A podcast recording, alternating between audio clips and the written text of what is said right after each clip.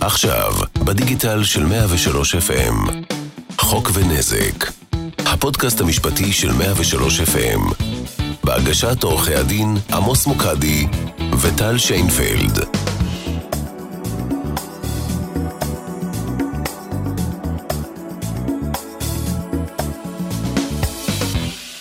שלום למאזינים וברוכים הבאים לפרק נוסף של חוק ונזק. בפרקים הקודמים עסקנו בתביעות נזיקין כתוצאה מתאונות שונות, לרבות תאונות עבודה, ובפרק הנוכחי נדבר על תביעות שלצערנו הן הנפוצות ביותר, תביעות לפיצויים של נפגעי גוף מתאונות דרכים. שלום טל. שלום עמוס. אה, אנחנו נחשפים מדי כמה ימים לעוד מקרה של תאונת דרכים קטלנית או מרובת נפגעים, וכדי לסבר את האוזן, במדינת ישראל יש בממוצע למעלה מ-11 אלף תאונות דרכים עם נפגעים כל שנה. הנתון הזה מדהים, שכן המשמעות היא שיש בממוצע כ-30 תאונות עם נפגעים מדי יום. יותר מזה, 11,000 הוא מספר התאונות, אבל צריך לזכור שבמסגרתן יש מספר גבוה עוד יותר של פצועים, וכ-350 הרוגים כל שנה. כן, זה מזעזע, ולצערנו זה כנראה לא נמצא בראש סדרי העדיפויות של ממשלות ישראל. נכון, וזאת למרות שהמשמעות הכלכלית של התאונות האלה היא עצומה, עלות הטיפול בנפגעים, פיצוי המשפחות של ההרוגים. אבל כפי שנשמע עוד מעט, מי שנושא בעיקר העלות הן חברות הביטוח שמן הסתם מגלגלות את העלויות חזרה עלינו, ולכן אולי כולם מזדעזעים, אבל שינוי משמעותי בסדרי עדיפויות לא קורה. לא פלא שבתי המשפט מוצפים בתביעות של נפגעי תאונות דרכים, וכן, גם אנחנו עוסקים מדי יום בתביעות האלה. אז בואו נתחיל בתיקון מספר טעויות נפוצות. קודם כל, הדבר הראשון שלקוחות אומרים לנו כשהם אה, מגיעים אלינו למשרד, מדברים על מי אשם, אני לא אשמה, הוא עבר באור אדום, אני אחראית לתאונה. מה המשמעות של זה בעצם? כן, אז שימו לב, השאלה אולי מעניינת בהקשר של מי יפצה על נזקי הרכוש שנגרמו לנו. הנזק לרכב, הפחחות, אבל אין לה שום רלוונטיות בכל הנוגע לנזקי הגוף שנגרמו לכם הנפגעים. בשנת 1975 חוקק חוק שלמעשה עשה מהפכה בתחום, חוק פיצויים לנפגעי תאונות דרכים, והשינוי הגדול ביותר שהחוק עשה הוא שלא בודקים את שאלת האשם בתאונה. נכון, אנחנו עברנו לשיטה שנקראת שיטת ה-No fault. אה, זאת אומרת, למעט מקרים חריגים, כל מי שנפגע בתאונת דרכים, בין אם הוא אשם, בין אם הוא לא אשם, זכאי לפיצויים בגין נזקי הגוף שנגרמו לו כתוצאה מהתאונה. נכון, גם אם הנפגע עבר באור אדום, גם אם הוא נרדם על ההגה, גם אם אין מחלוקת שהתאונה נגרמה באשמתו. אגב, אני כמובן עושה הפרדה בין האחריות הפלילית לבין הזכות לפיצוי. מי שעבר למשל באור אדום, הוא כמובן יכול מאוד שצפוי להליך פלילי כלשהו, אבל עדיין יהיה זכאי לפיצוי אם נגרם לו נזק גוף. כן, ועד בחקיקת החוק התביעות האלה התנהלו כמו תביעות נזיקין רגילות, שעליהן כבר דיברנו, זאת אומרת שכדי להגיש תביעה היה צורך באיסוף ראיות, בהוכחת האשם, או היעדר האשם של הנהגים המעורבים בתאונה, אבל זהו, כבר אין צורך בהוכחת האשם. כן, לא רק שפתרו את העניין של ההתעסקות בשאלת האשם, אלא גם נקבע שאת הפיצוי הנפגע מקבל מחברת הביטוח שביטחה בביטוח חובה את הרכב שהוא עצמו נהג בו. זאת אומרת, אנחנו לא צריכים אפילו אה, לרדוף או לברר מי חברת הביטוח של האדם הפוגע, כל אחד הולך ותובע את חברת הביטוח שלו. לכן, כל עוד קיים ביטוח חובה בתוקף, יזכו הנפגעים שבאותו הרכב בפיצוי בגין הנזקים שלהם. כן, לכן הוא גם נקרא ביטוח חובה, כי על פי החוק במדינת ישראל חייבים לנהוג או לנסוע ברכב רק אם יש לנהג ביטוח חובה בתוקף. אני מבהירה גם, כל הנוסעים ברכב מבוטחים באותו ביטוח חובה של הנהג. הביטוח הזה למעשה חל על כל מי שנמצא ברכב בעת התאונה. המטרה של החובה הזו היא להבטיח שכל מי שנפגע בתאונה יקבל פיצוי, הוא לא צריך לדאוג יותר אם למי שגרם לתאונה יש מספיק כסף, ואם יצליח לגבות את הפיצוי ממנו, הכל ישולם על ידי חברת הביטוח. שלהן כידוע יש כסף. אגב, הפרת ההוראה, זאת אומרת נהיגה ללא ביטוח חובה בתוקף, היא עבירה פלילית. מעבר לכך מדובר כמובן בסוגיה שמשליכה על הזכות לקבל פיצויים. אני אגב לא מדברת רק על אה, אנשים שקמים בבוקר ומחליטים לא לחדש את ביטוח החובה, כי כאלה אין הרבה, אבל למשל היה לנו מקרה של ילד בן 17, אה, שערב אחד החליט לקחת את האוטו של ההורים, לצאת לסיבוב, ומה שהוא לא היה ער לו זה שביטוח החובה לא היה לנהג חדש. אה, ולאחר שנגרמה תאונה, למעשה הובהר כי חברת הביטוח לא מוכנה לקחת אחריות, אה, ובעצם אין לו ביטוח חובה בתוקף. וזו דוגמה לביטוח שמגביל את גיל הנהג. ישנם גם ביטוחים לנהג נקוב בשם, כלומר, רק למשה מותר לנהוג על הרכב הזה. עושים את זה בדרך כלל כדי להוזיל את עלות הביטוח. אבל מה קורה כשדוד לוקח את האוטו ולא מברר אם הוא מכוסה בפוליסה? גם במצב כזה הוא לא יהיה פיצוי אוטומטי ולא בטוח שיהיה פיצוי כלל. בואו רק נאמר לסיכום הנקודה הזו שביטוח חובה תקף מקצר ומפשט מאוד את ההליכים אה, ומקל על הנפגעים לקבל את הפיצוי שמגיע להם. כן. אבל ישנם גם הולכי רגל שנפגעים אף הם כל יום בתאונות דרכים. אז בעניין הולכי רגל, החוק קובע שהולך רגל תובע את חברת הביטוח של הרכב שפגע בו. אנחנו בעצם רואים כאן איזשהו מנגנון מסודר, אה, כמובן בהנחה שלכולם יש ביטוח חובה בתוקף, כמו שאמרנו, אה, והמנגנון הזה בעצם מסדיר מי תובע את מי, ממי כל אחד מקבל פיצוי במקרה של תאונת דרכים. עד כאן, הכל פשוט. אבל מה קורה כשאדם לא יודע מי פגע בו? כולנו שומעים הרבה על תאונות פגע וברח, תאונות בהן אותם פוגעים לא נשארים כדי לסייע, אלא בורחים ממקום התאונה. ואפילו אם לא נהיה כל כך קיצוניים, היו לנו מקרים של תאונות שבהם הפוגע בכלל לא היה מודע לנזק שגרם ופשוט נסע מהמקום. כן, היה לנו למשל תיק של אדם שבתחנת דלק, ובזמן שהוא הלך להביא ניירות לניגוב השמשה, אה, פשוט עלה על הרגל שלו רכב שעבר במקום. עכשיו, הנהג אפילו לא שם לב למה שקרה והמשיך בנסיעה, אה, והנפגע שהיה לחלוטין המום מהסיטואציה, הוא כמובן לא רץ אחריו כדי לברר את הפרטים. אז בדיוק למקרים האלה, ועל מנת שלא נשאר או לא נשאיר ניזוקים ללא פיצוי, הוקם גוף שנקרא קרנית, זאת קרן לנפגעי תאונות דרכים, ובמצב שבו לא ידוע לנו מי הנהג הפוגע ואין למעשה ביטוח חובה שניתן להצביע עליו שמכסה את האירוע, היא נכנסת לתמונה. טוב, חשוב אבל להסביר שהפיצוי של קרנית במצב הזה הוא לא פיצוי אוטומטי. החוק בעצם מציב אה, מספר דרישות סף כדי שניתן יהיה לקבל את הפיצוי מקרנית. אה, למשל, שהנפגע פועל בסבירות כדי להשיג או לאתר את פרטי הרכב הפוגע אה, ואת הביטוח הרלוונטי אם ישנו. זאת אומרת, אם נחזור למשל לדוגמה אה, של תחנת הדלק, במקרה הזה היינו צריכים להוכיח במס...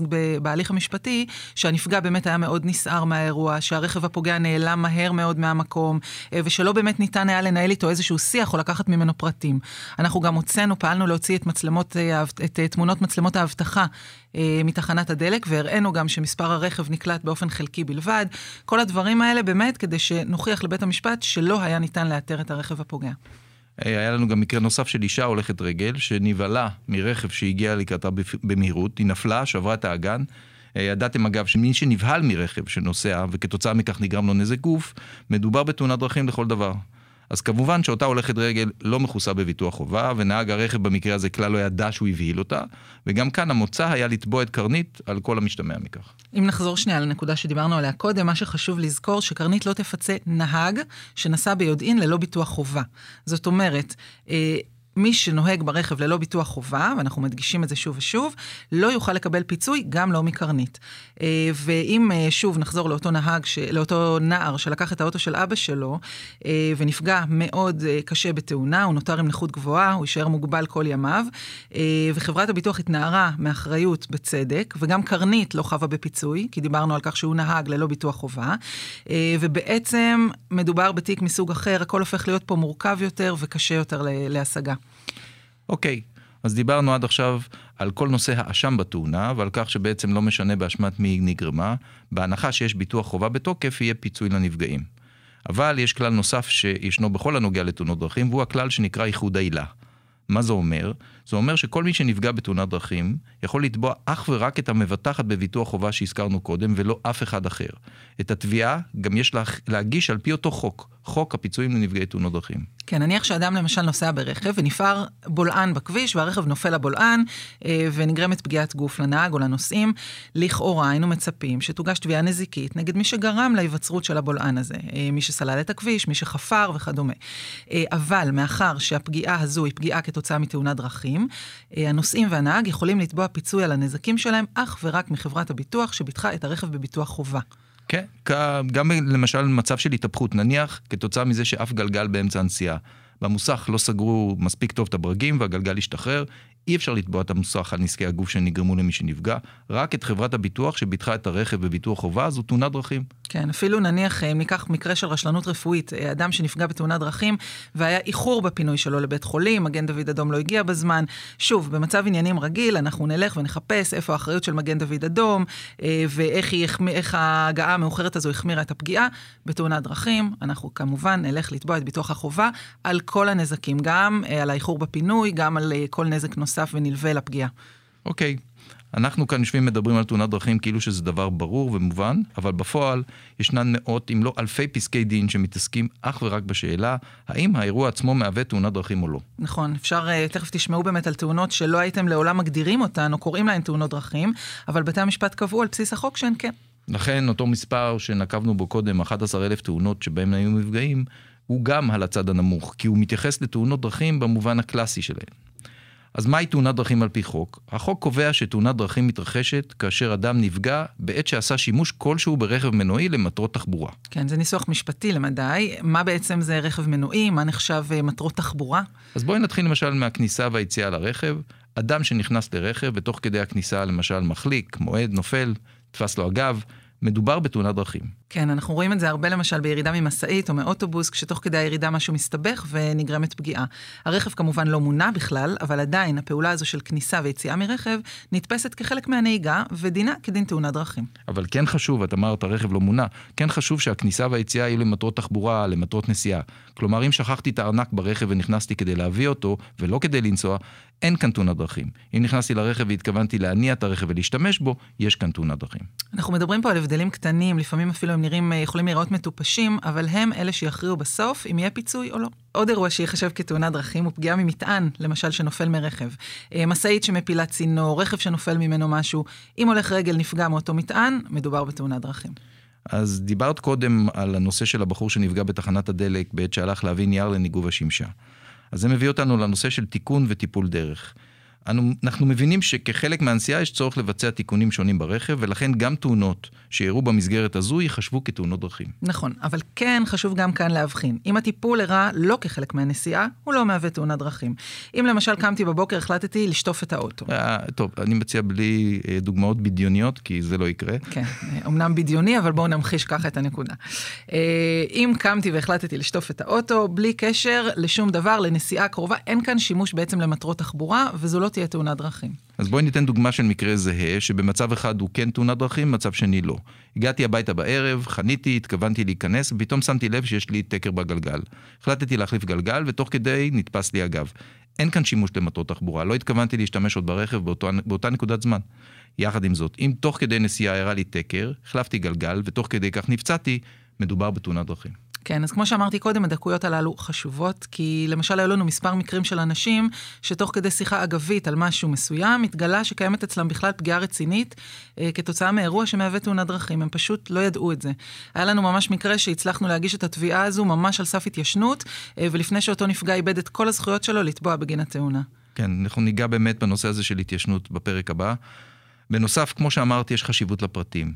מאחר שאנשים הרבה פעמים לא מבינים מהן הזכויות שלהם, גם הסיפור והרישום הרפואי בעניין שלהם לא יהיה מדויק, וזה כמובן יכול לפגוע בתביעה.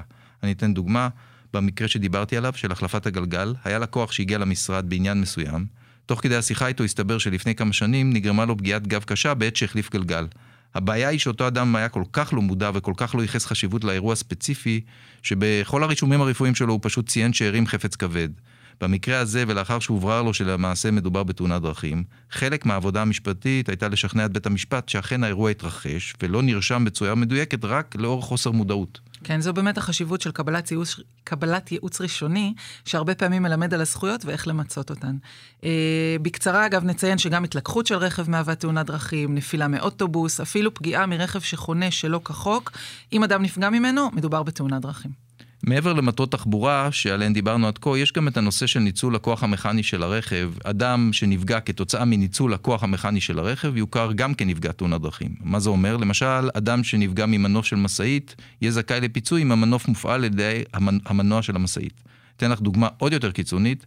בתי המשפט פסקו שאדם שעמד על גג של בניין במהלך יציקת בטון והגג התמוטט, יהיה זכאי לפיצוי כי משאבת הבטון שבאמצעותה יצקו את הבטון על אותו גג שקרס, פעלה באמצעות הכוח המכני של המשאית. כלומר, בעקיפין הכוח המכני של המשאית גרם להתמוטטות של הגג, ולכן מדובר בתאונת דרכים, למרות שבכלל לא היה שום מגע של הנפגע עם הרכב עצמו. עכשיו רק בוא נזכיר במילה מה לא נחשב תאונת דרכים, למרות שאולי פה דווקא היינו מצפים שכן, אה, וזה החריג של טעינה אה, ופריקה.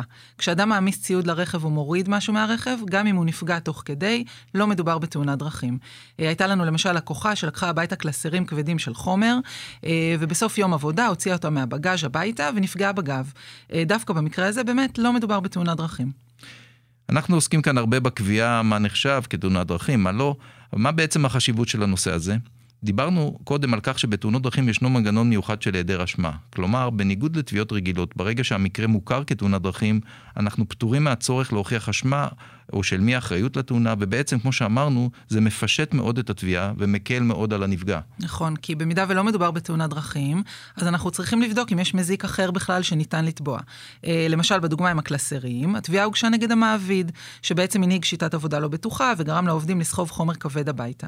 אבל כאן, כמו שהסברנו בפרקים הקודמים, צריך לנהל את התיק בין היתר בשאלת האחריות, בשאלת האשם, הרבה יותר מורכב. שלא נדבר על זה שבהרבה מקרים לא יהיה פיצוי כלל, כי אין מזיק, והאירוע לא הוכר כתאונת דרכים, ולכן לא תהיה מבטחת חובה שתשלם. כן, אלה המקרים הכי מצערים, שאנשים שבאמת נפגעים, לפעמים אפילו קשה, ואין להם בכלל פיצוי מאף גורם. אז ממש בכמה מילים על השאלה מהו רכב מנועי, כי אמרנו שפגיעה מרכב מנועי בלבד תחשב כתאונת דרכים.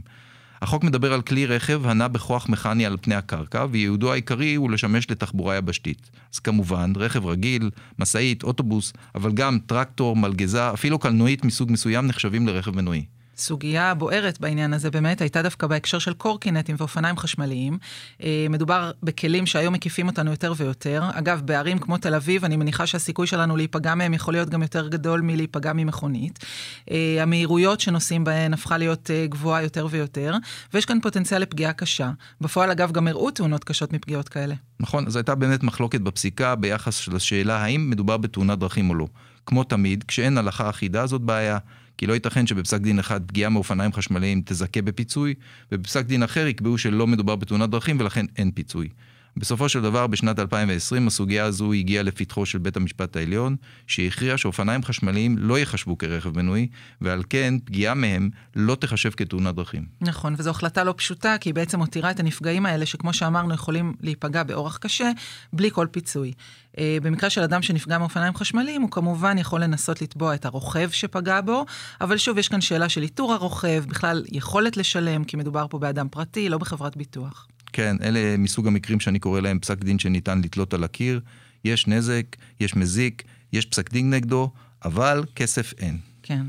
Uh, טוב, ישנן סוגיות נוספות רבות בהקשר הזה, אבל uh, היום חשוב היה לנו לעשות קצת סדר בנושאים הבסיסיים והפרקטיים יותר uh, שקשורים לתאונות הדרכים. בפרק הבא נעבור לדון קצת בתביעות ביטוח וניגע בכמה סוגיות מעניינות וחשובות שנוגעות להן, אז תודה שהאזנתם לנו וניפגש בפרקים הבאים של חוק ונזק. חוק ונזק, הפודקאסט המשפטי של 103 FM, בהגשת עורכי הדין עמוס מוקדי וטל שיינפלד.